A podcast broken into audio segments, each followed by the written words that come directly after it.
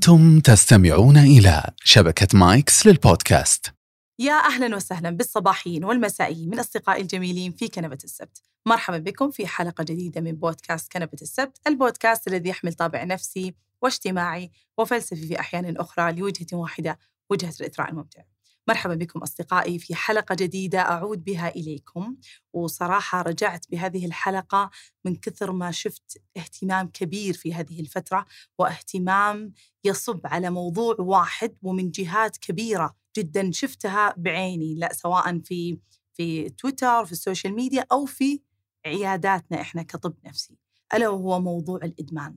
سميت الحلقة إدمان فقط. الجميع يعتقد أنه بتكلم على أنواع كثيرة من الإدمان لكن اليوم موضوع صريح وشفاف أتكلم فيه من أبعاده النفسية والاجتماعية إدمان المخدرات.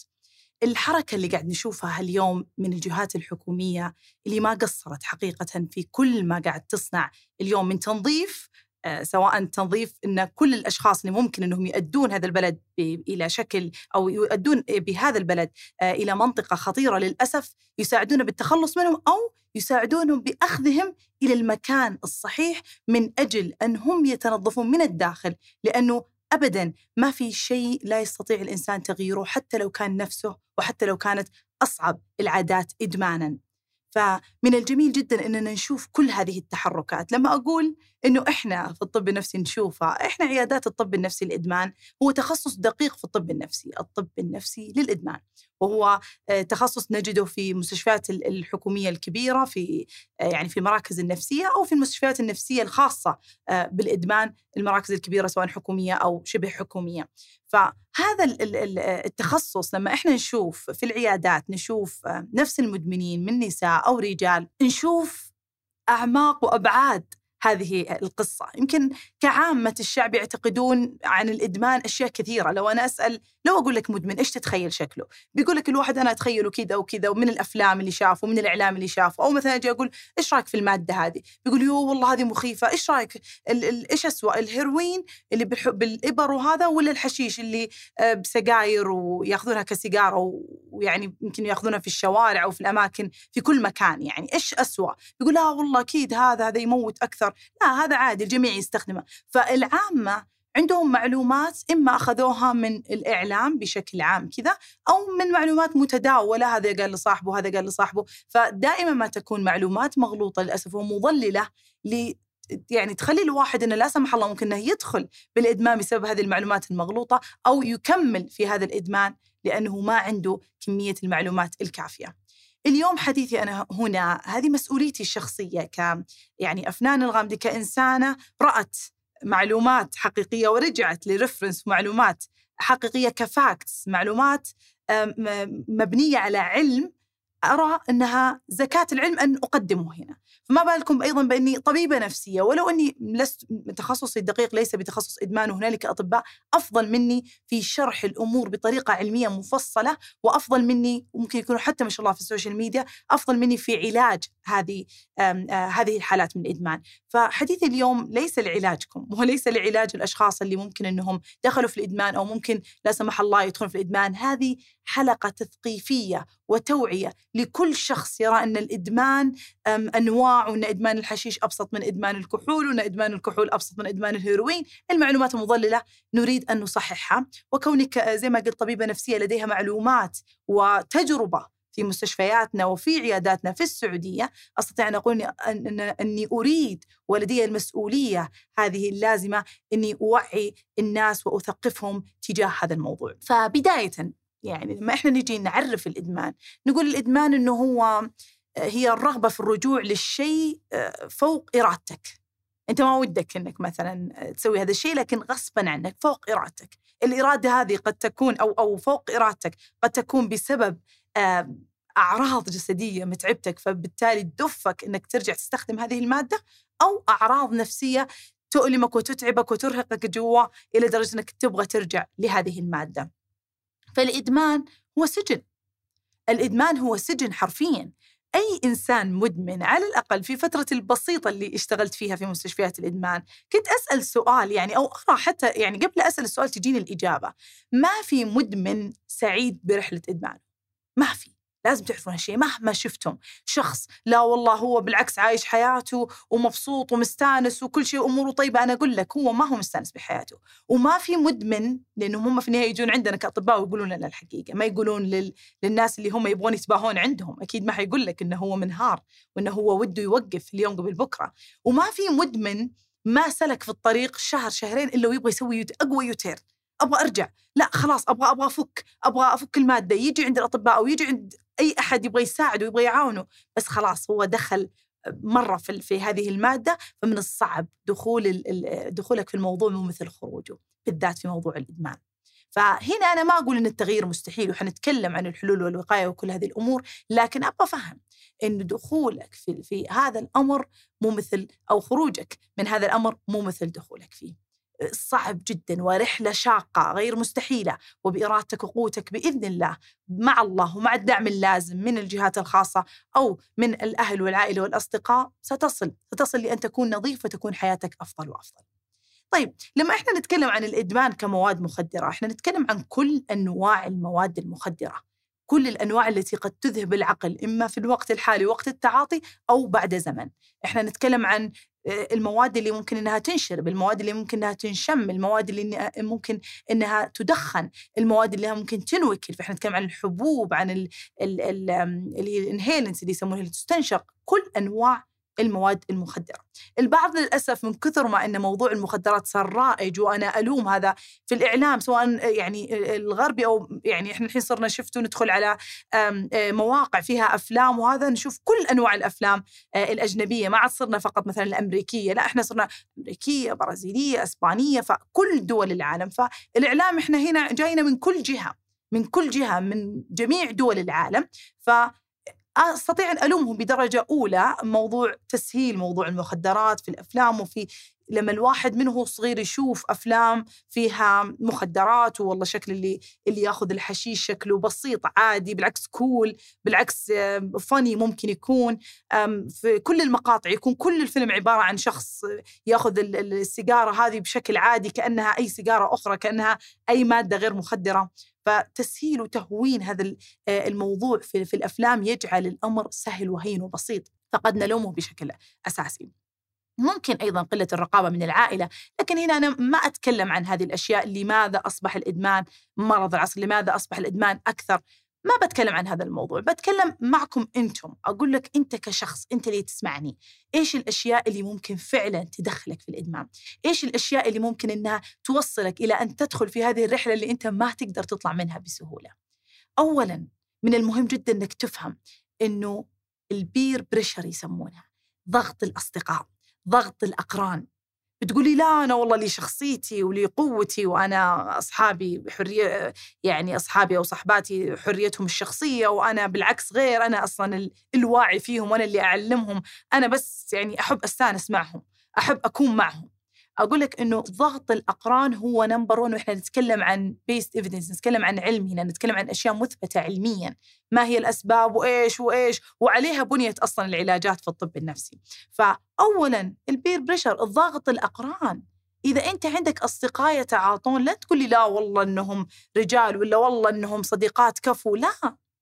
لا وقفوا معي وقفات ما يهمني وهذه تصير. يعني أتذكر مرة في يعني كنا نقول يعني أنا معي في الاستشاري في العيادة فكنا نقول للمريض إنه ترى أنت لازم عشان تبعد عن هذه المخدرات لازم تبعد عن هذول. يقول لا أنت كيف تقولوا كيف تقولوا لي أبعد عن أصدقائي اللي هم وقفوا معاي وقفات ما شفتها مع صديقي اللي ما ي... ما ياخذ شيء. ما شفتها.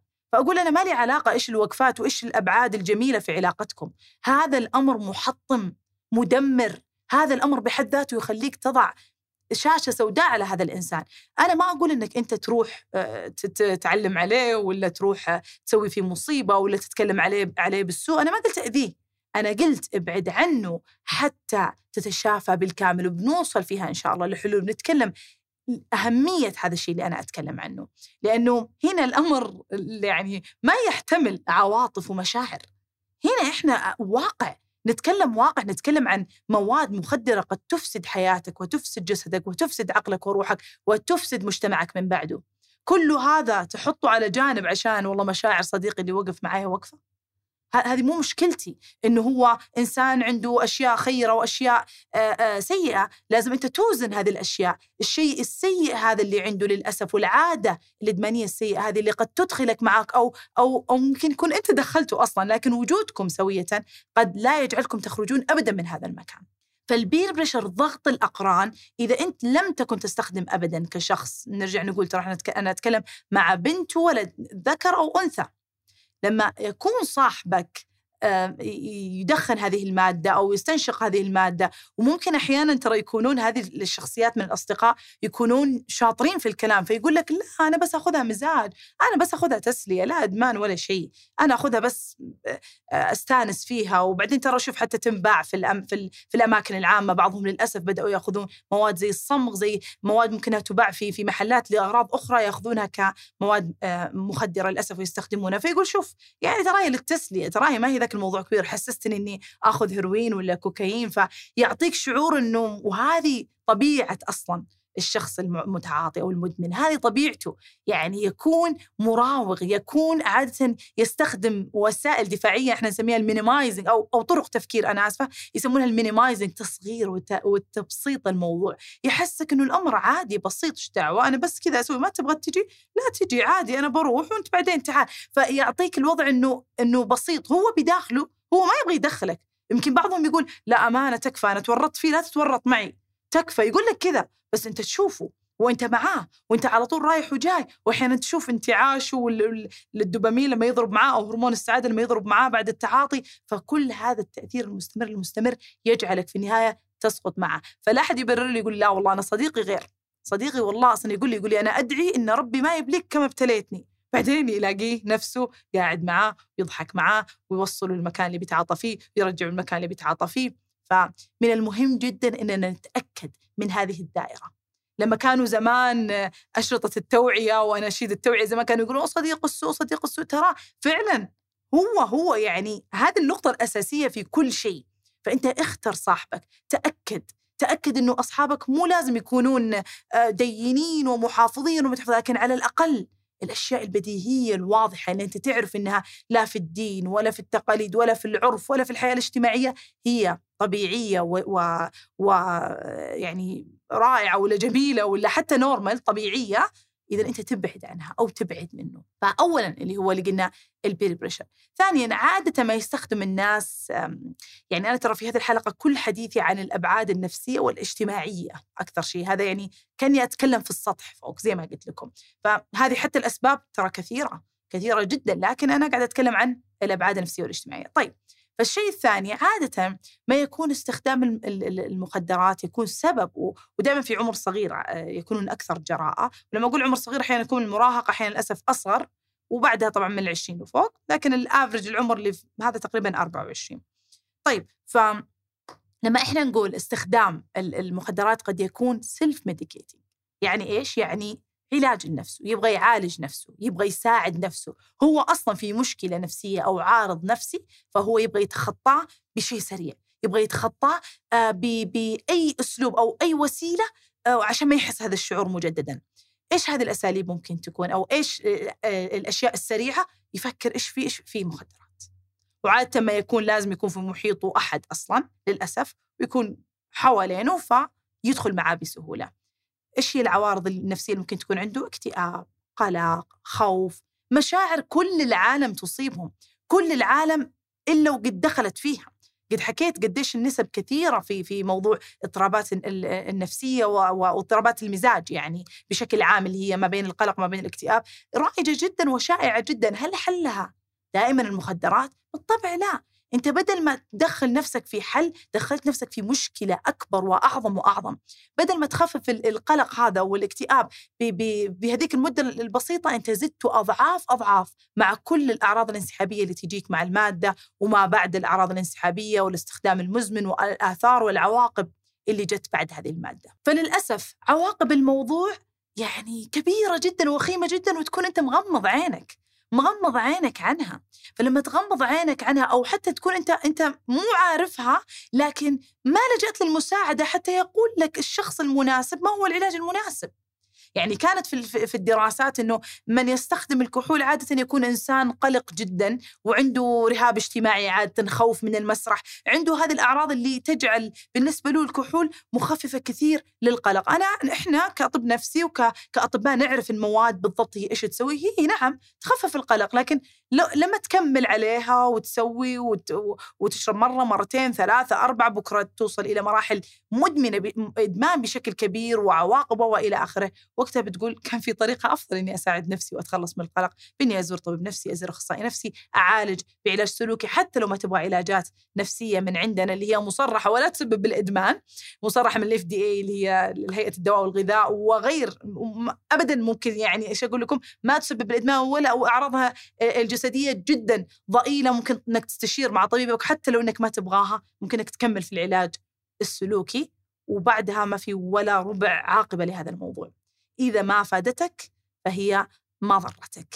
على العكس تماما من العلاج المؤقت. لما ناخذ كحول عشان أخفف القلق ولا عشان أخفف كذا. وصار في يعني أمور رائجة صار الشخص يجي يقول لا لا أنا أشرب والله يا دكتورة بس إني سوشيال درينكر أنا. أنا فقط أشرب في ال في يعني في الاجتماعات أو الأشياء الصعبة كذا اللي أنا أحتاج فيها أخفف قلقي. فيستخدمها فعلا كعلاج.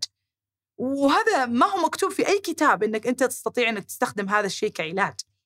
ف نرجع نقول إنه عواقب الأمر كبيرة نرجع لجذر المشكلة ونحله قبل لا نوصل لحلول من نفسنا وحلول آه، سريعة حتى للأسف إنها مو سريعة وتحل الأبد سريعة مؤقتة.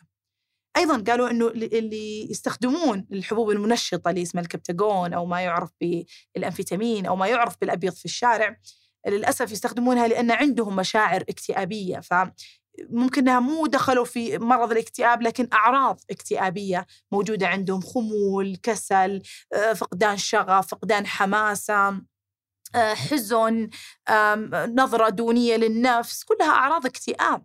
آه، فيطفش الواحد منها وما يلجأ للمساعدة الصحيحة عن طبيب نفسي كيف أحلها بأدوية نفسية أو بعلاجات سلوكية لا يروح للحبوب اللي تنشطه وتحمسه وتعطيه قوة وتعطيه طاقة وتعطيه نشاط وتخليه منطلق في الحياة وتخليه يقول إي والله هذه اللي كنت أبغاها هذه الحبوب السعيدة اللي كنت أبغاها. طبعا للأسف ما تطول هذه السعادة ما تطول. يأخذ حبة ينبسط ما يحس إنه ما قد عشت بهذه السعادة أنا أبدا ما قد حسيت فيها.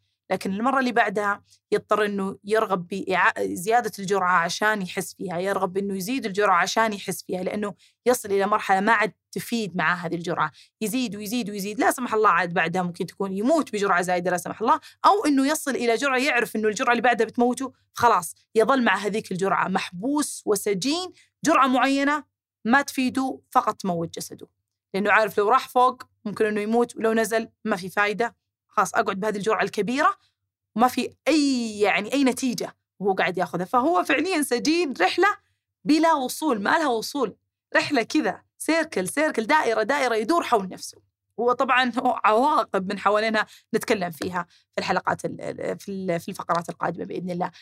بعدها مثلا الحشيش مثلا وهي أكثر مادة يعني منتشرة في العالم بشكل كامل وأكثر مادة مخدرة آه، رواجا في في ما بين المدمنين يعني فما في مدمن إلا وقد بدأ آه، بمادة الحشيش أو حتى ممكن في ناس ما يفضلون والله ما اختاروا فاختار مادة اسوء لكن إلا ويكون مر عليه للأسف لرواجه ورخصه وإلى آخره. الحشيش عادة يستخدموا يعني يستخدمونه الناس اللي يصابون بنوبات الهلع أو حتى القلق نوعا ما. اللي يكون عندهم نفس الشيء ممكن زي الكحول يكون عندهم رهاب اجتماعي وأشياء. إيش يسوي الحشيش عادة؟ يبلد الشعور شوية يخلي الواحد كيرلس يخلي الواحد غير مهتم غير مبالي. القلقين عادة يريدون هذا الشعور يتمنون أنهم ما يقلقون تجاه أي شيء ويكونون رايقين زي ما يقولون. يكونون هادين يعني. يمكن في نكت عن نكت دائما تطلق على المحششين إنهم مضحكين وفاني وظريفين. هي الفكرة فقط لأن انتباههم جدا جدا ضعيف. هم مو إنه الحشيش يخلي الواحد يضحك ويشوف أشياء وهذه لا مهلوسات وعادة ما تكون يعني إلا فترة قصيرة يعني تأخذ دقائق إلى ساعات فقط هذا التأثير. الحشيش ما يخلي حياتك سعيدة ويخليك فني ويخلي أصحابك فني هو للأسف يفقدك التركيز. تركيزك يصير مرة نازل آه، انتباهك يصير مرة نازل آه، فبالتالي أكيد أنك بتصير أنت مركز يعني فردودك ممكن تكون مضحكة أو أو إلى آخره، لكن في عملك في حياتك في هذا بتصير شخص متبلد. شخص لا مبالي. فحس المسؤولية اللي كان عندك العالي والقلق اللي أنت كنت تعتبره مرضي كان ممكن أنك توازنه وتخليه قلق مفيد لك لأنه دائما القلق دافع للتطور ودافع أنك تقدم أفضل ما لديك. لا أنت نسفته بهذه المادة إلى أن تكون لا مبالي فبالتالي إنتاجك في هذه الحياة يكون ضعيف. إنتاجك في هذه الحياة يكون حرفيا في مكانك لا تفكر بأحد ولا تفكر إلا في نفسك وفي لحظتك وفي وفي عالمك هذا فتكون فعليا حبيس هذه اللحظة. فللأسف ال self-medicating هذا أو علاج نفسك بأنك توخر كل المشاعر السلبية بهذه المخدرات زي ما قلت تضعك في دائرة. وفي رحلة للأسف تدور فيها حول نفسك بعواقب وخيمة وبلا فائدة وكل لحظات اللي أنت تشعر انها حلوة وسعيدة تكون مدتها دقائق ساعات بالكثير يوم للأسف ومن بعدها ضريبة هذه اللحظة السعيدة المؤقتة عواقب لا متناهية. هذه أحد الأسباب الثانية. السبب الثالث يعني طبعا اللي هو البليجر أو الرغبة في في الشعور بالسعادة. أو قبلها خلونا نقول على دورنا مهم يشعر فيه المدمن أو كثير من المدمنين لما يجون يقولون إنه ليش أنا استخدمت؟ دور الضحية.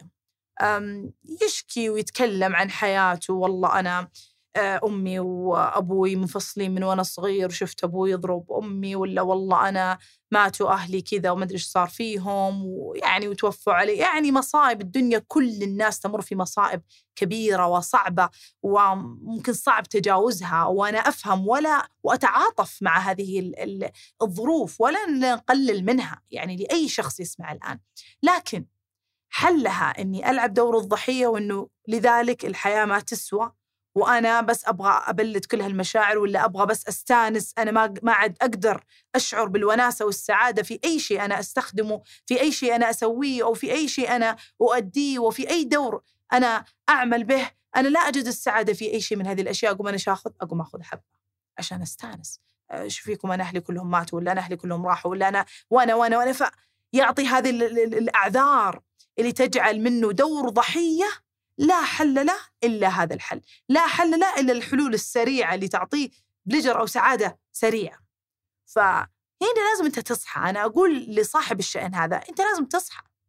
دور الضحية هذا وإنه جعلك تقع في في في مشكلة أكبر من مشاكلك. هذه كانت ظروف خارجة عن إرادتك.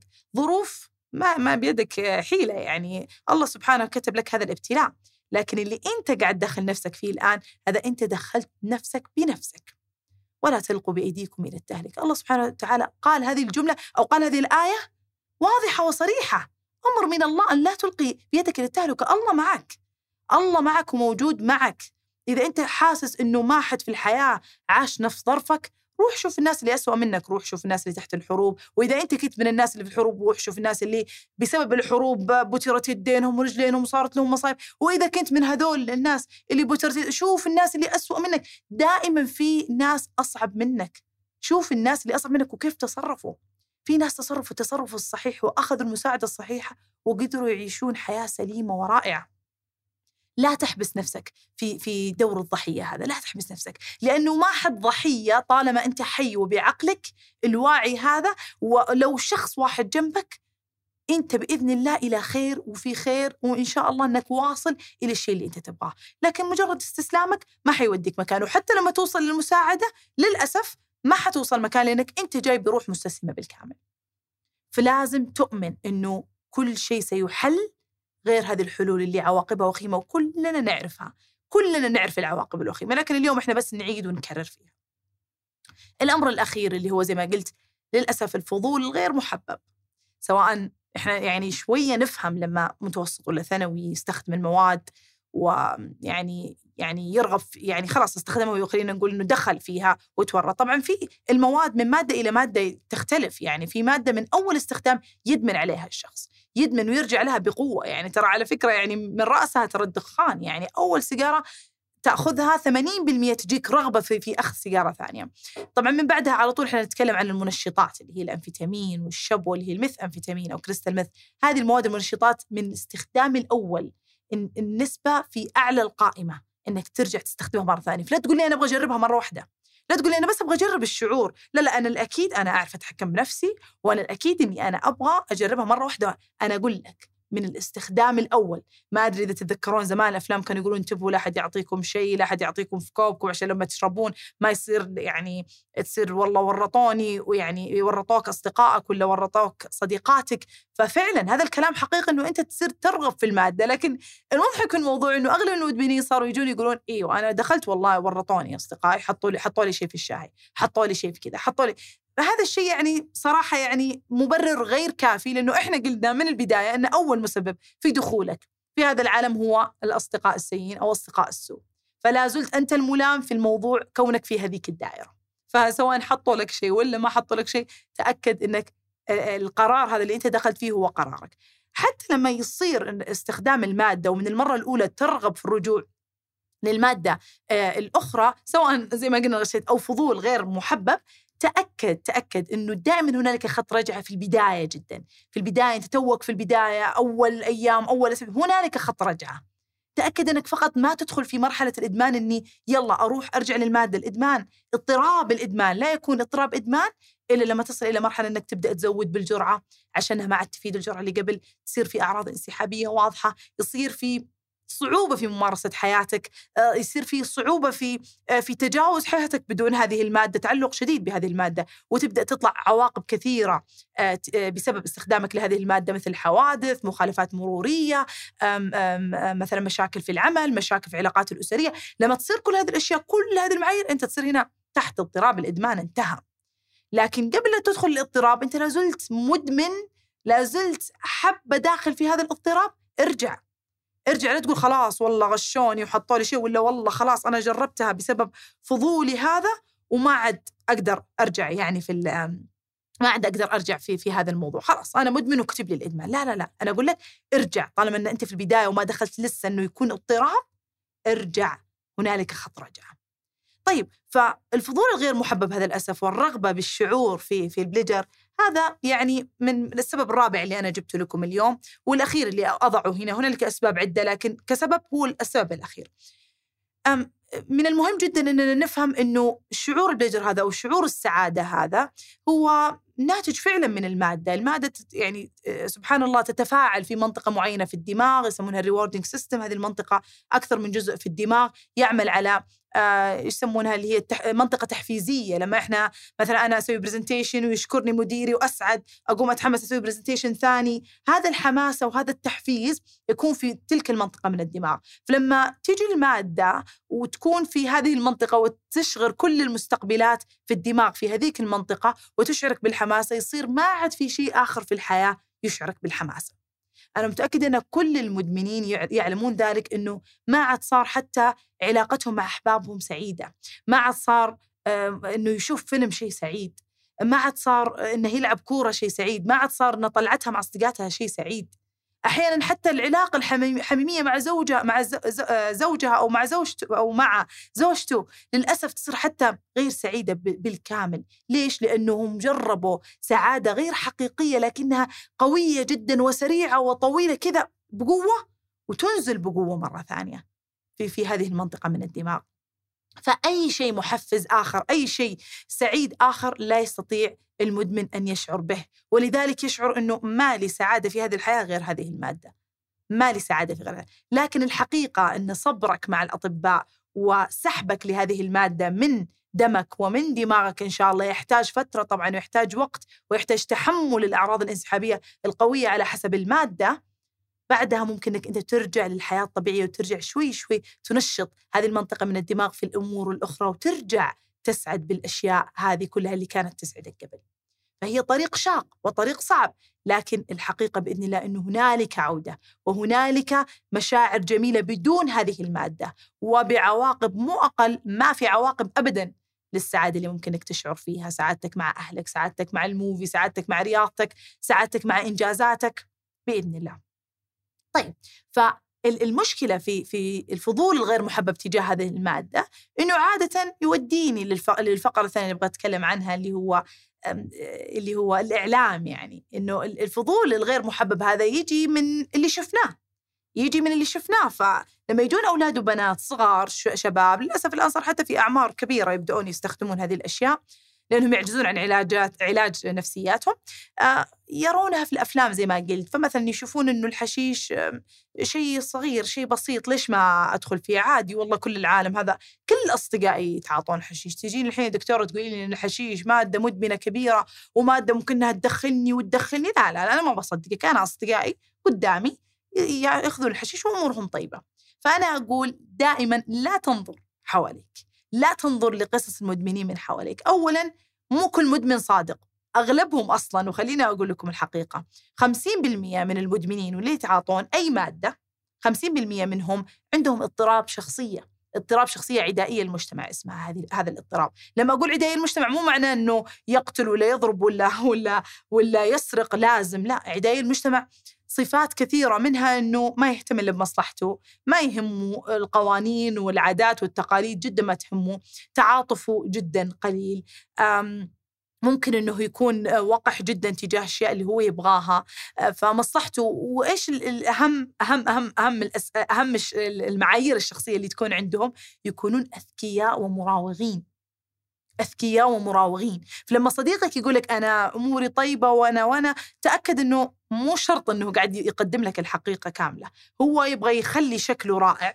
يبغى يخلي شكله كول مستحيل إنه يعطيك الحقيقة آه، المظلمة. مستحيل يقول لك دواخله كيف هو يشعر مع الأعراض الانسحابية من حزن وضيق أو الأعراض الذهانية إنه بدأ يدخل في شك تجاه زوجته في مشاكل مع زوجته لأنه يشك إنها تخونه أو أو العكس صحيح الزوجه تشك في زوجها وتشك في عيالها أو تشك في دوامها. فالمواد تدخل في أعراض أثناء التعاطي وأعراض انسحابية قد لا يخبرونكم إياها لكن يخبرونا إحنا في العيادة. فلا تقول لي صديقي يقول لي إنه هذه المادة والله بسيطة وهذه المادة ما منها ضرر وهذا هو قدامي. شكل المدمن عندك إيش في رأسك؟ تعتقد إن المدمن لازم يكون شكله غير مرتب وغير نظيف وما يعرف يتكلم وحركات في وجهه أو حركات غريبة ولا إرادية يقتل يسرق؟ لا. شكل المدمن ممكن إنه يكون موظف وزوج وعنده أبناء ويشتغل وكل يوم رايح جاي وأموره طيبة مو كل مدمن يصل إلى مرحلة الديسفانكشن نسميها اللي هي مرحلة عدم عدم استطاعته على العمل أو عدم استطاعته تكملة الحياة العملية والعلمية يعني أو الشخصية حتى. فمو كلهم كذا غيروا صورة المدمنين عندكم عشان تؤمنون إن اللي حوالينكم قد يكونوا مؤمنين، أنت قد تكون مدمن فعلا. مو عشانك والله ماشي حياتك وانت تتعاطى المادة فانت مو مدمن. انت مدمن لكن قد لا تكون وصلت إلى مرحلة اضطراب الإدمان.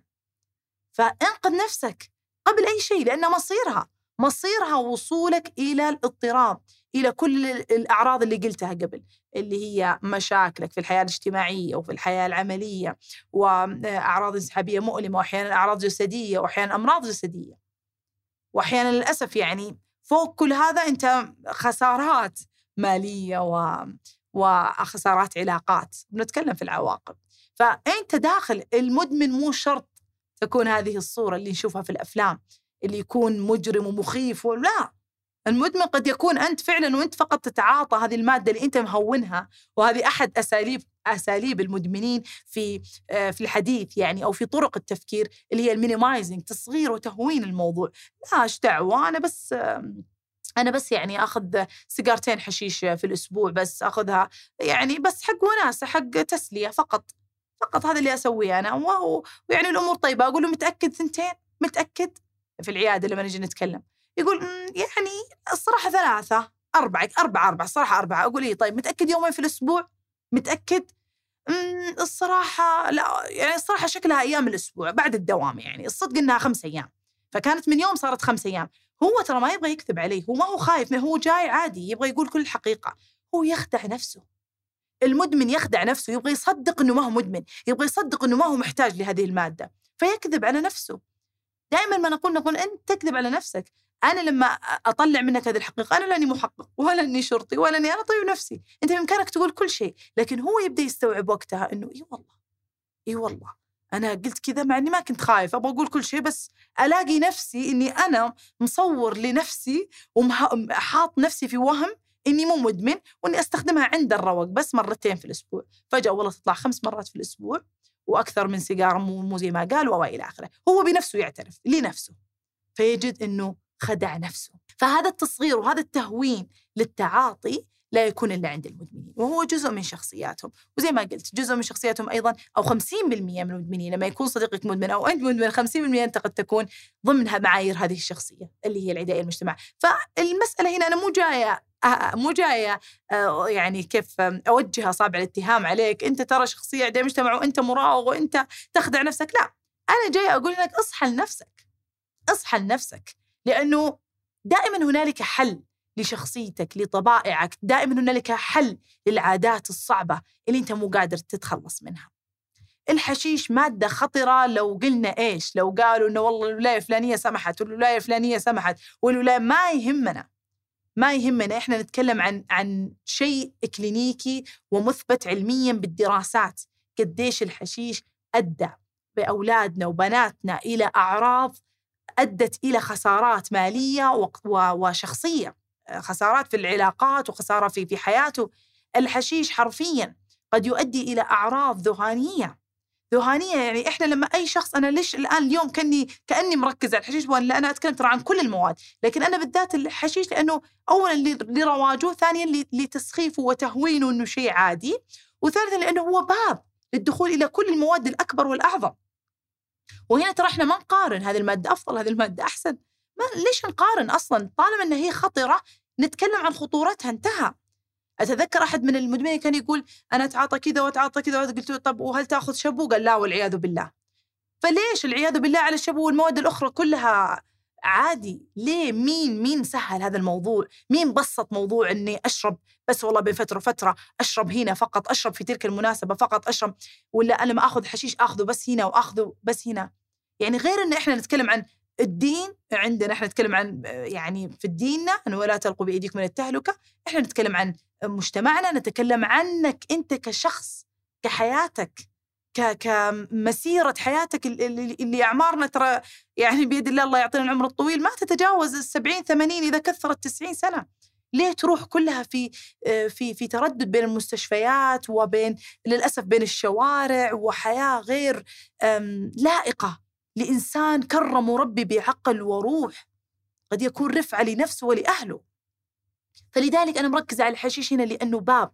من من من الأبواب اللي ممكن إنها تدخل في أشياء أخطر وأخطر، فالحشيش بحد ذاته البعض يستخدمه مستانس فيه وأنا والله ما سوى لي شيء وما سوى شيء، أنا أقول لك الحشيش علميا يؤدي إلى أعراض اكتئابية، يؤدي إلى أعراض ذهانية، لما يدخل آه، مدمن حشيش يقول لي إنه مثلا يأخذ حشيش وكذا دائما نسأل هل في يوم حسيت إنك متابع حسيت إنك مطارد حسيت إن في أحد يلاحقك أحد مترصد لك؟ كلهم يقول إيش دراك دكتورة؟ أقول لأنه هذا عرض. يعني عرض آه، معروف عرض شائع وموجود في الكتب. ما هو ذكاء منك طبعا موجود في الكتب خلاص. تم تعيينه كعرض تحت الحشيش وتحت الأنواع الثانية من المخدرات. إنك تشعر يسمونها persecutory delusion أو paranoid delusion اللي هي وهم المطارده أو وهم إن إنه إنه في أحد يتابعني في أحد يطاردني ما أعرف مين هو بس أخ أنا خايف أحس في أحد يتابعني. تخيلوا إنه هذا ال الوهم قد يستمر أثناء التعاطي واحيانا بعد ما يوقف الواحد التعاطي كأعراض انسحابية يستمر وبعد ما تروح الأعراض الانسحابية للأسف بعض الأحيان يستمر. حتى بعد الأعراض الانسحابية ما تروح وأنت ما أخذت لك ثلاث شهور لا زال, هذا العرض المتعب يستمر معك. إلا بعد الله ثم العلاجات النفسية اللي إحنا نقدر نساعد فيها. ونتكلم عنها إن شاء الله. فهذا الوهم تخيل إن الواحد طول اليوم يشعر إنه مطارد، يشعر إنه متابع، الجوال لا يكون في أحد آه، يتابعني، لا يكون في هذا، يبدأ أحيانا يصل إلى الجنس الدليوجن اللي هي وهم الغيرة، يجي يفتح العين على زوجته أو يفتح العين على بنته أو أو فإيش يسوي؟ يقول ممكن أنت قاعد تكلمين أحد يحط كاميرات، يجي يضرب يعنف فكل الأمور تبدأ من هذه الفكرة. فكرة مرضية هي لا يستطيع أنه يتخلص منها بعضهم للأسف يصل إلى المرحلة أنه يسرع في الشارع خايف يقول أنا خايف دكتور أنه في أحد يطاردني ورا سرعت سرعت سرعت سويت حادث. فتخيلوا العواقب كيف تصير. أنت تشوف أن الحشيش شيء عادي الحشيش شيء سهل. الحشيش يؤدي إلى كل هذه الأعراض وأكثر. الحشيش بسطوا الإعلام بسطوه الناس بسطوه أصدقائك بسطوه بسطوه العالم. لكن إلى اليوم لا زال يعتبر مادة مخدرة والدليل إنه لا زالت الله يكتب أجرهم. جهاتنا الحكومية هنا كيف سعت وكيف سوت. أغلب ال- ال- ال- اللي. المروجين اللي قاعدين يصيدونهم قاعدين يروجون حشيش ومسكوهم ما قالوا أوه لا والله هذه مادة سهلة بسيطة ما نمسكهم. هي مادة مخدرة لا تكذب على نفسك. هي مادة صعبة لا تكذب على نفسك. هي مادة تؤدي إلى عواقب وخيمة لا تكذب على نفسك. اصحى. اصحى وشوف حياتك وشوف الحلول الأخرى اللي ممكن إنك أنت تسويها غير إنك تستخدم هذا الحشيش عشان فقط تشعر بتبلد وتشعر براحة ولا تشعر بأي شعور سلبي في حياتك لأنه كل اللي بتعيشه بتعيشه أسوأ من المشاعر اللي أنت كنت تعيشها قبل الاستخدام. فالحشيش يؤدي إلى أعراض ذهانية للأسف يعني في دراسة سويدية في عام 87 تسوت وتسوت على مدى على مدى طويل طويل لمدمنين المدمنين الحشيش لمدة طويلة جدا. تخيلوا إنه إيش لقوا؟ لقوا إنه دخول ال- ال- اللي يستخدم الحشيش في مرض الفصام. في مرض الفصام مرض نفسي كبير ونادر أتكلم عنه الآن. ست أضعاف أكثر من الأشخاص اللي ما ما ما يستخدمون الحشيش. ست أضعاف أكثر. تخيل. يعني مرض يعتبر وراثي واحد إذا ما كان وراثي أسباب غير معروفة كليا ما فهم مرة أسبابه لكنه قد يصيب ال- ال- الأشخاص في من عمر تقريبا يبدأ يبدأ من عمر 20 عادة وممكن أحيانا في عمر أقل. عادة زي ما قلت يكون وراثي الأسباب الأخرى غير معروفة غير معلومة. مرض كبير نادر 1% في العالم يصيبه يص- يعني يصابون فيه ال- الناس. هذا المرض يكون مليان بالأعراض الذهانية يصير الواحد يهلوس هلوسات سمعية هلوسات سمعية هلوسات بصرية يصير عنده نوع من أنواع آه، ال- ال- الوهم اللي هي يسمونها الديليوجن يمكن يكون وهم غيره عنده أو وهم شك زي اللي ذكرتها. ممكن يكون عنده أشياء كثيرة. يعني يجيك شخص يقول أنا والله متأكد إن الناس يسحبون أفكاري ولذلك أنا حابس نفسي في البيت. بعضهم يقول الفضائيين بينزلون بيق- بي بيقتلونا ممكن يكون حتى هو ما شاء الله يعني متخرج من الجامعة وذكي وكل شيء بس سبحان الله يصاب بهذا المرض كابتلاء من الله وإحنا نحاول نعالجه بأقصى درجة ممكنة لكن للأسف للأسف عاده يعني توقعنا تجاه هذا المرض لما يصاب فيه الواحد خلاص فصام مشخص بالفصام يعتبر مرض مرة صعب يعني خلاص يصير على الأغلب هذا الإنسان يخسر حياته الاجتماعية وحياته آه، يعني خلينا نقول العملية بيخسر أشياء كثيرة أصلا بيخسر مهارات اجتماعية إلى درجة إن علاجاتنا السلوكية معاه تكون تعليمه على المهارات الاجتماعية من أول وجديد اللي هي ال social skill training فتخيلوا هذا المرض الكبير اللي يعتبر ابتلاء ولما يصاب فيه الشخص نتعاطف مع العائلة والعائلة تتعاطف معه ونحزن عليه ويعتبر نادر سبحان الله ابتلاء لكم وابتلاء له والحمد لله ويعتبر يعني خلاص كأنه منعزل عن العالم. أنت بنفسك قاعد تجيبه لنفسك بالحشيش وبكل أنواع المخدرات الثانية. تخيل! مرض قد يكون نادر وقد لا يصيب الإنسان إلا بواحد بالمية في العالم وقد يكون وراثي فيك أصلا بس أنت فتحت أو شغلت هذا الجين الوراثي باستخدامك الحشيش أو قد لا يكون عندك هذا الجين لكن برضو ست أضعاف ست أضعاف عن الشخص الغير مدخن للحشيش أنت قد تصاب بهذا المرض مرض الفصام الذهاني. تخيل المرض هذا الفص الأمامي يفقد يفقد كل شيء التفكير النقد التحليل الحكم. الصح والعيب والغلط كلها تروح. مرض كبير.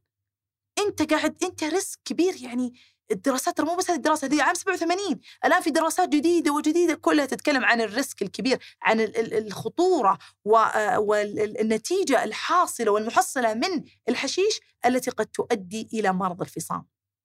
فإحنا الأكيد إنه إنه الحشيش يؤدي إلى أعراض ذهانية. قد تكون مؤقتة أثناء التعاطي وأثناء الأعراض الانسحابية بعد ما توقف لكن ممكن بعدين تكمل. مع الاستخدام الطويل وال- والثقيل طوال حياتك كم نقول 10 15 سنة 20 سنة؟ الفصام.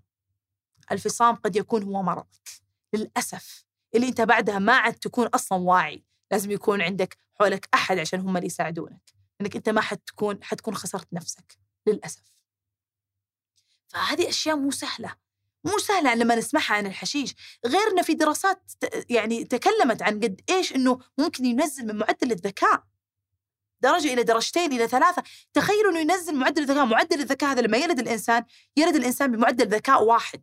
ما نقدر نختبره إلا بعد ست سنوات سبع سنوات عشان يكون عادل هذا الاختبار. ويسوونه أطباء نفسيين أو أطباء نفسيين نفسي عصبي عشان الاختبار يكون متسوي بطريقة صحيحة. بمجرد ما يتسوى لك في هذا العمر لو احتجته خلاص ثابت. مو لما تتخرج من الجامعة يعلى معدل ذكائك لا معدل الذكاء هذا يحسب معدل الذكاء اللي ربي خلقك فيه. أنت عبقري فوق 120 وكذا ولا أنت في عندك تأخر عقلي اللي هو ال 30 40 أو أصغر أو أقل فتكون في مدارس خاصة أو الحمد لله أنت افرج وتقدر إنك تطور بنفسك مهارات أخرى. تخيل إن الحشيش يقلل منه بعد الاستخدام الطويل والثقيل والفترة الطويلة ممكن إنك تقلل من معدل ذكائك اللي ما يهزه شيء يهزه الحشيش. فكيف تجي تقول لي إن الحشيش مادة سهلة؟ الحشيش لا لا تقولي لي هي ما هي ما هي هيروين ولا كوكايين ولا. كيف؟ كل هذه الأشياء وكل هذه الدراسات مبنية على أنت ما تقدر تنفي العلم. وأنا ما أتكلم عن دراسة ولا دراستين لو أجي هنا أتكلم كبرزنتيشن لأطباء نفسيين أو أجيب طبيب نفسي معايا مختص بالإدمان ما بنسكت. والله بتكون الحلقة ثلاث ساعات. لكن أنا حابة إنه أنا أبسط لكم الأمر عشان تفهمون. لأنه إحنا في النهاية كأطباء وكمجتمع وكأفراد مجتمع نبغى نتعاون نبغى نتساعد ونصحي بعض إنه هذا الأمر كبير هذا الأمر شديد وعواقبه وخيمة يا جماعة عواقبه وخيمة عواقب المخدرات العواقب من من بداية الحلقة أتوقع كان واضح إيش العواقب وذكرتها في نصف حديثي حتى لأني ماني قادرة أصلا أصبر إلى آخر الحلقة عشان أتكلم عن العواقب. العواقب واضحة وصريحة جدا للجميع قديش إنك ممكن في في باستخدامك للمخدرات اللي أنت تعتقد إنها حل في البداية وتعتقد إنها تسلية في البداية إنها قد تؤدي بك إلى خسارات كبيرة جدا. اولا وأهمها وأكبر شيء ممكن يصير اللي هي خسارة نفسك. خسارة نفسك، جسدك تكلمنا عن ال IQ معدل الذكاء قديش ممكن ينقص، تخيل تخسر من بعدها وظيفتك وصارت شفنا ناس في أماكن في أماكن كبيرة واحيانا في أماكن حساسة. في أماكن حساسه يخسر وظيفته لأنه فقد مهارات. لما أنت تفقد درجة درجتين ثلاث درجات من من المعدل الذكاء معناه أنك أنت فقدت بعض المهارات المسؤولة في في هذه الدرجات فقدت بعض المهارات. فبالتالي أكيد إنه بيختل عملك بيختل دراستك. إذا كنت لسه تدرس تختل دراستك. فتخيل ان خساره نفسك لأنك خسرت كثير من هويتك. صرت صار كل أمرك في في أو يتمحور حول هذه المادة. صرت متعلق حول هذه المادة ولا يسعدك غير هذه المادة ولا ينعش غير هذه المادة ولا ترى نفسك غير مع هذه المادة. فوين بتكون أماكنك؟ غير أماكن التعاطي. حتى بيبدأون أصدقائك يقولون ما عاد صرنا نشوفك. يبدأون أصدقائك يقولون تغيرتي علينا ما عاد صرنا نشوفك ولا عاد تردين علينا. كل هذه كل الحياة وكل الأشياء اللي أنت كنت تسويها كلها تروح يمين يسار تصير أنت متمحورة حياتك ومتعلقة حياتك تجاه هذه المادة فبالتالي تخسر نفسك ما تعرف أنت مين، ما تعرف أنت إيش تبغى، ما تعرف أنت وين تبغى تروح، ما تعرف مين تحب ومين يحبك، مو مركز على أي شيء آخر. خسارة نفسك. الله سبحانه يقول أفرأيت من اتخذ إلهه هواه؟ أفرأيت تعجبوا يا جماعة يعني عادي عادي إنك أنت طبعا تفسير الآية تفاسير كثيرة لكن كانت منها أنك أنت ما تسمع هوى نفسك. كلنا عندنا مغريات كل إنسان عنده ابتلاءه الخاص. كل إنسان عنده عادة صعبة ما يستطيع أنه يتركها لكن لا تتخذ هذا الهوى لا تتخذه وتمشي معه وتختار أنت عبوديتك بنفسك. ليه تختار عبوديتك؟ ما ينفع. ما ينفع أنك تصل إلى هذه المرحلة أن تكون هذه المادة هي كل شيء في حياتك. وتخسر نفسك و... و... وأهلك وإنجازاتك وأهدافك وطموحاتك. ومن بعدها طبعا تأتي الخسارة المالية. الخسارة المالية هذه ما في شيء من المواد المخدرة ما يكلف الواحد ماديا ويهلكه ماديا. للأسف أن أغلب اللي يتعاطون يتعاطون هم أقل من حتى الطبقة الوسطى. فبالتالي يصل إلى الديون يصل أنه يستلف. للأسف يصلون يعني في ناس يستلفون حتى من أبنائهم للأسف. أبنائهم حتى أبنائهم وبناتهم يعرفون يقولون والله أعرف إن أبوي ماخذ عشان يشتري هذه المادة أو ياخذ هذه المادة. للأسف. ليش تصل لهذه المرحلة؟ خسارات مالية تصل إنك تستلف كرامتك تروح. أحيانا للأسف عاد هذه المرحلة يعني الاسوء والاسوء إنك تصل إلى إنك تسرق. لا تعتقدون اللي يسرق فقط؟ والله وهو جته الأعراض الجسدية اللي يمكن ما تكلمت عنها في البداية اللي هو إنه الشكل المدمن لما أنا أقول إنه هنالك الشكل آه، المدمن مو لازم يكون وسخ ومو مرتب ومو نظيف ويضرب ويقتل ممكن يكون عادي موظف وإلى آخره. وش كان قصدي بهالكلام؟ كان قصدي إنه المواد تختلف إنه هنالك اعتماد جسدي واعتماد نفسي psychological dependence و medical أو physical dependence فال physical dependence إنه لما تترك المادة الأعراض الانسحابيه تشعرك بخفقان تعرق آه، ألم في العضلات خمول حرارة في الجسم على حسب المادة. كل مادة لها أعراض انسحابية مختلفة. فال physical dependence اللي هو الأعراض الجسدية تعتبر أعراض انسحابية هي أسوأ شيء تخلي الواحد إنه خلاص يبغى يقتل. بس أهم شيء إنه أنا أخذ آه، الفلوس عشان آه، أروح أشتري هذه المادة وأريح جسدي وأريح هذا الشعور المتعب اللي أنا قاعد أشعر فيه. فهذه ممكن تكون في المواد اللي زي ما قلنا مواد الكوكايين الهيروين اللي هي والمواد المنشطة ممكن تكون فيه. الحشيش يعتقد الواحد إنه ما هو مادة مدمنة لأنه ما في هذا الشيء. الأعراض الانسحابية ما تشعر الواحد بخفقان وتعرق و و زي ما تشعر في المواد الأخرى. لكن في شيء اسمه psychological dependence اعتماد نفسي. تصير أنت ترغب بقوة أن ترجع للمادة عشان تأخذها وتسعد وتنبسط تتذكر المادة. في شوق كبير للمادة. أصلا الشوق الشوق للمادة هو أكثر شيء يرجع الواحد للتعاطي مجددا بالذات في الحشيش. وهو أكثر الأسباب المسببة للانتكاسات بعد الدخول في العلاج. فالشوق للمادة هو عرض نفسي هو اعتماد نفسي لا زال هذا ضمن الإدمان. هذا ضمن الإدمان. فبالتالي الخسارة المالية تكون وين؟ لما أنت أنا أرغب في هذه المادة لما أنت تخلص فلوسك ولا يجي نهاية الشهر ولا آه، يصير عندك ديون يصير عندك أمور تقوم تقول تستوعب إنه لا والله الحشيش أنا ما أقدر أعيش بدونه. هنا تصير تقدر تقول كذا. طبعا يجي شخص يقول لا والله الحمد لله أنا مبطل من ثلاثة أربع شهور. ما نعتبر إحنا الواحد مبطل فعليا نسميه نظيف نظيف إلا بعد سنة من الإقلاع تماما تماما ولا ربع انتكاسة.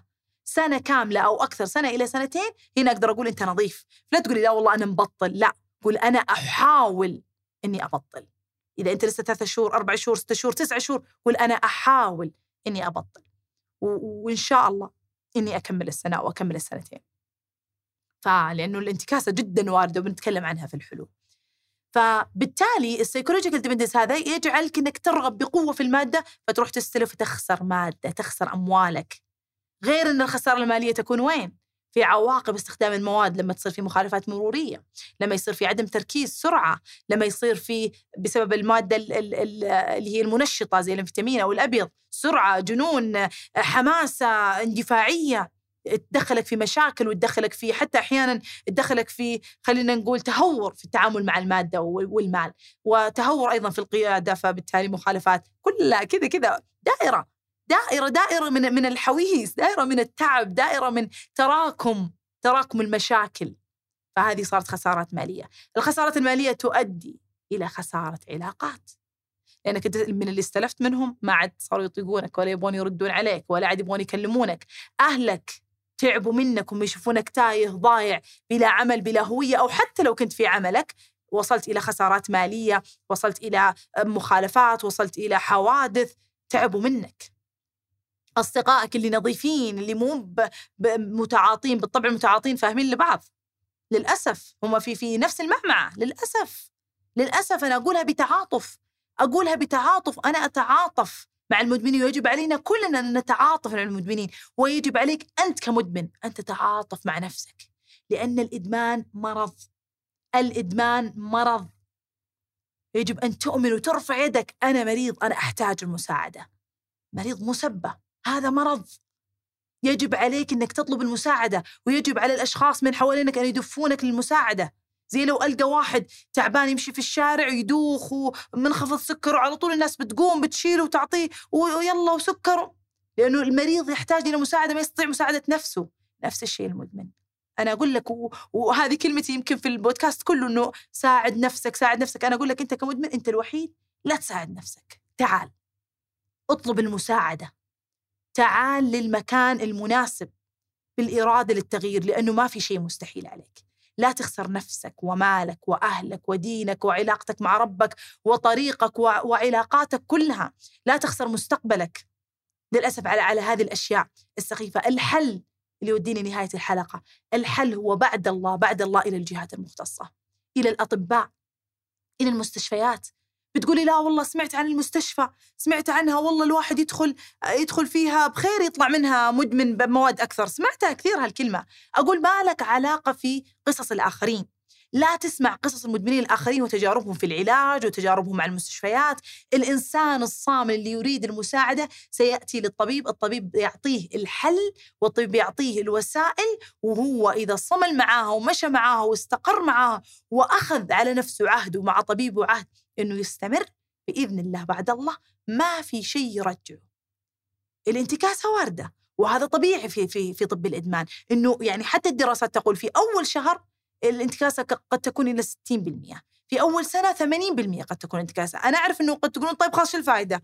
هذاني بدخل وفي النهاية تقولي لي 60% في أول شهر انتكس أقول لك من صعوبة الموضوع عشان كذا اصمل لا تعتقد من أول سنة أنت بتكون تمام ويلا ويلا. الانتكاسة واردة. حتى إحنا لما ينتكس الواحد أقول له لما تنتكس أنت طلعت من هنا. لما تنتكس يعني لما إيش معنى تنتكس؟ يعني ترجع تستخدم المادة لو مرة واحدة. لما تنتكس على طول كلمني. تعال يعني للمستشفى. تعال للعيادة. تعال كلم دكتورك. أو يعني في, في العلاج الطب النفسي الإدمان يسوون علاجات سلوكية فممكن يقولوا لك مين الشخص أقرب شخص لك نظيف كليا يكون معك نظ... ما يستخدم ولا شيء كلمه على طول. كلمه وتكلم معاه وقول له ترى أنا حسيت إني كذا وأنا انتكست وأنا عشان من هذيك النقطة ترجع تعيد حسابات نفسك وترجع الغلط اللي أنت سويته أو الفعل اللي أنت سويته تشيل نفسك منه. فبالتالي الانتكاسة واردة والطريق طريق زي ما قلت خروجك من الموضوع أصعب من دخوله أصعب بكثير. لكن غير مستحيل لما أنت تصمل لا تسمع الآخرين والله المستشفى ذيك مدري إيش والله الأطباء كذا والله الأدوية النفسية هي تخليك تتعب أكثر. يعني كان في كلمة لشخص يقول إنه أنا والله يا دكتور أنا رحت طلبت المساعدة وخذيت العلاجات اللي أعطيتونا إياها والله تعبتني أكثر. هنا لازم نوضح نقطة اولا العلاجات النفسية اللي إحنا نعطيها للمدمنين ليست بعلاجات تساعد إن المادة تروح من عقلك وتروح من روحك وتروح من دمك. لا إحنا نعطي علاج علاجات مساعدة للأعراض الانسحابيه اللي عندك اللي سببتها المادة يا ليت عندنا دواء تنك يعالج يخليك ما عاد تحب الحشيش. تنك يروح ما عاد تحب الأبيض ولا ما عاد تحب هذه الحبوب. يا ليت. ما في هذا العلاج السحري.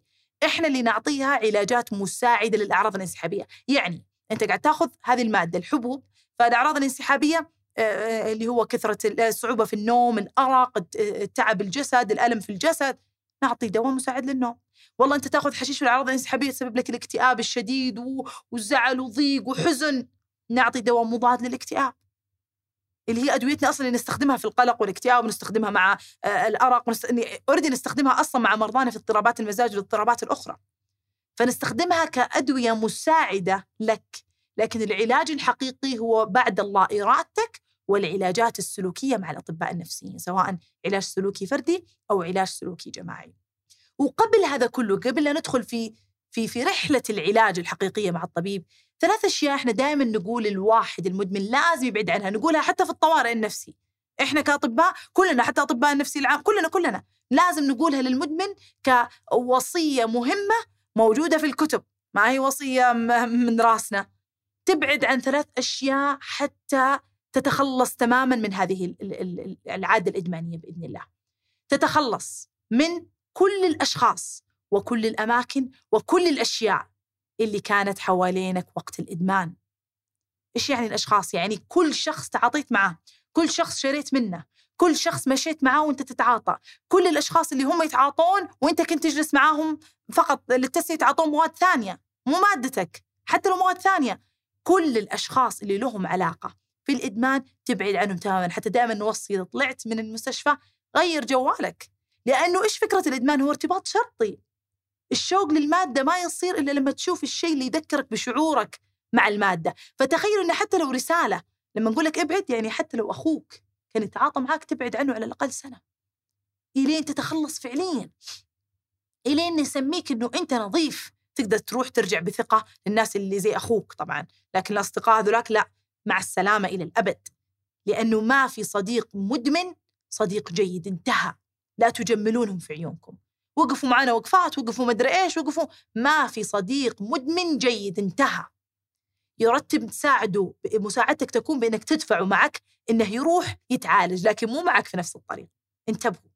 حتى الأصدقاء ما يتعالجون مع بعض. يعني مو لازم وضروري لا ما حد يفهمني غلط لكن الفكرة إنه بالذات العلاج في الإدمان لا يفترض انه يكون علاج جماعي مع بعض لأنه لما يضعف واحد يضعف الثاني معه. زي ما قلت السبب الأول هو ال peer pressure اللي هو ضغط سبحان الله ضغط الشخص الآخر هو اللي يكون يعني السبب الرئيسي في دخولك في المواد. فتخيل إنك أنت تكون قوي مقوي نفسك مقوي نفسك صديقك ذا اللي أنت ماشي معاه وأنتم تقوون بعض إنكم ما ترجعون للمادة يضعف هو تضعف أنت معاه. لا تقولي لا أنا أقوى عشان أنا أقوي لا لا لا. بالذات العلاج بالإدمان. خلك مع طبيبك. هنالك علاجات جماعية ضمن طبيب نفسي تسمع فيها آه الآخرين وتشوف تجربتهم مع الطبيب النفسي.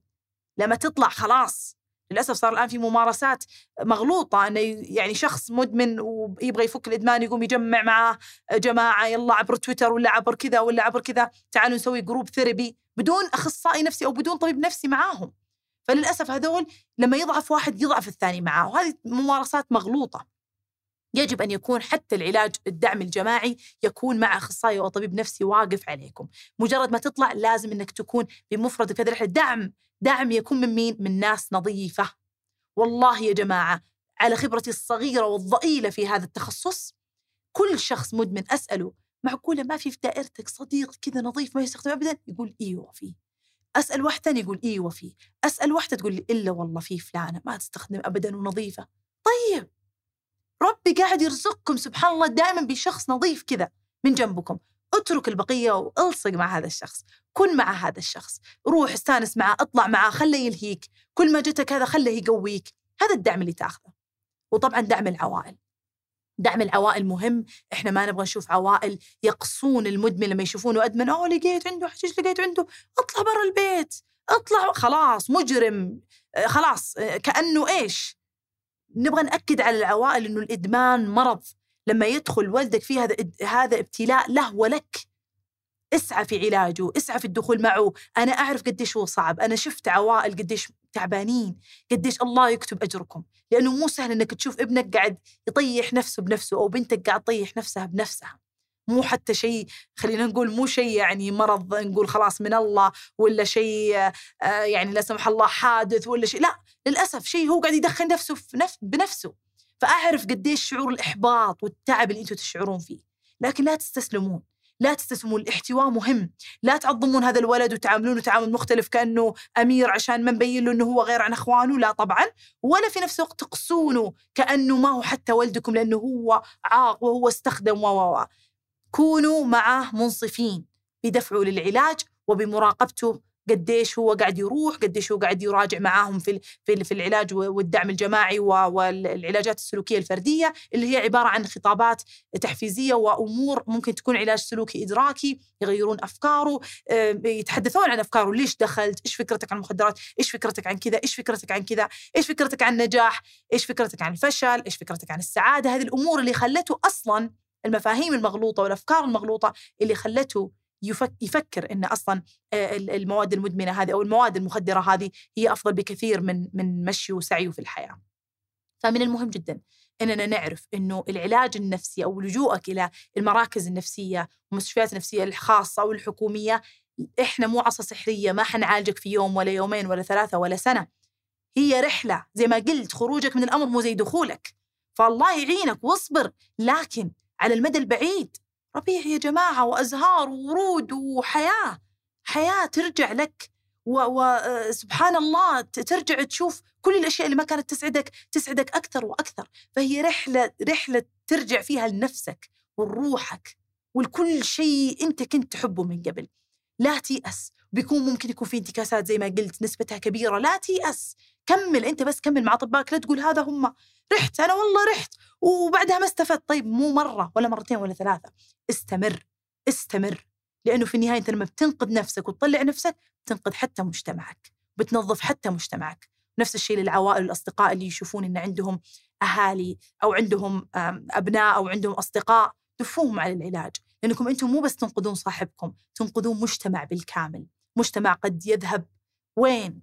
للأسف لو استمروا بترويج هذه المخدرات أو بالاستمرارية في في في التعاطي للأسف. وإنت لما بتنقذه ترفع مجتمع لأنه إحنا كم نسبة الشباب في السعودية تو طلعت الإحصائية؟ كم نسبتها؟ كبيرة جدا.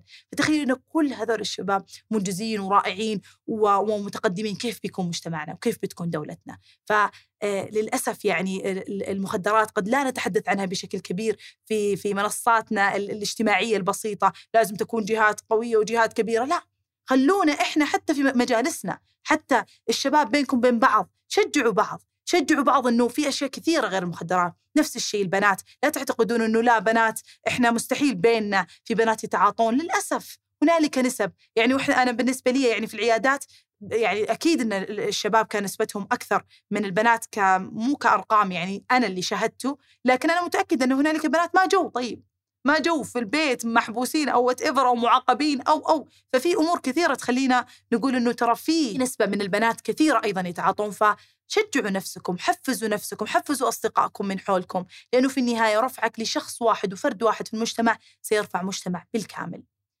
أتمنى لكم أتمنى أن هذه الحلقة وصلت إلى قلوبكم وعقولكم وأرواحكم بكل يسر وسهولة. أتمنى أن تكون هذه الحلقة دافع وداعم لكل مدمن أن يخرج بنفسه بعد الله بعد أن يتكل على الله ويتكل على المسؤولين ويتأكد أن وصوله لنا بإذن الله عند الأطباء النفسيين إنه خصوصيته كاملة وإحنا كأطباء نفسيين حتى ما نوجه إلى الجهات الخاصة. ابدا إحنا أنت تعال بس إحنا نبغى نعالجك ونساعدك. خصوصية كاملة إذا ما يبغى الواحد زوجته تعرف ما يبغى أهله يعرفوه ما يبغى عمله يعرف ما يبغى الجهات المختصة يعني الشرطة أو أو أو إنهم يعرفون. خصوصية كاملة طالما أنت لجأت للعلاج الأطباء هنا بيحتوونك بيساعدونك حتى تصل بإذن الله إلى العلاج. كل التوفيق لكل مدمن وجد نفسه سجين لمادة. كل التوفيق لك أن تصل إلى حياة مليئة بالحرية ومليئة بالسعادة. أتمنى تكون الحلقة أثرتكم وإلى سبت قادم وإلى اللقاء.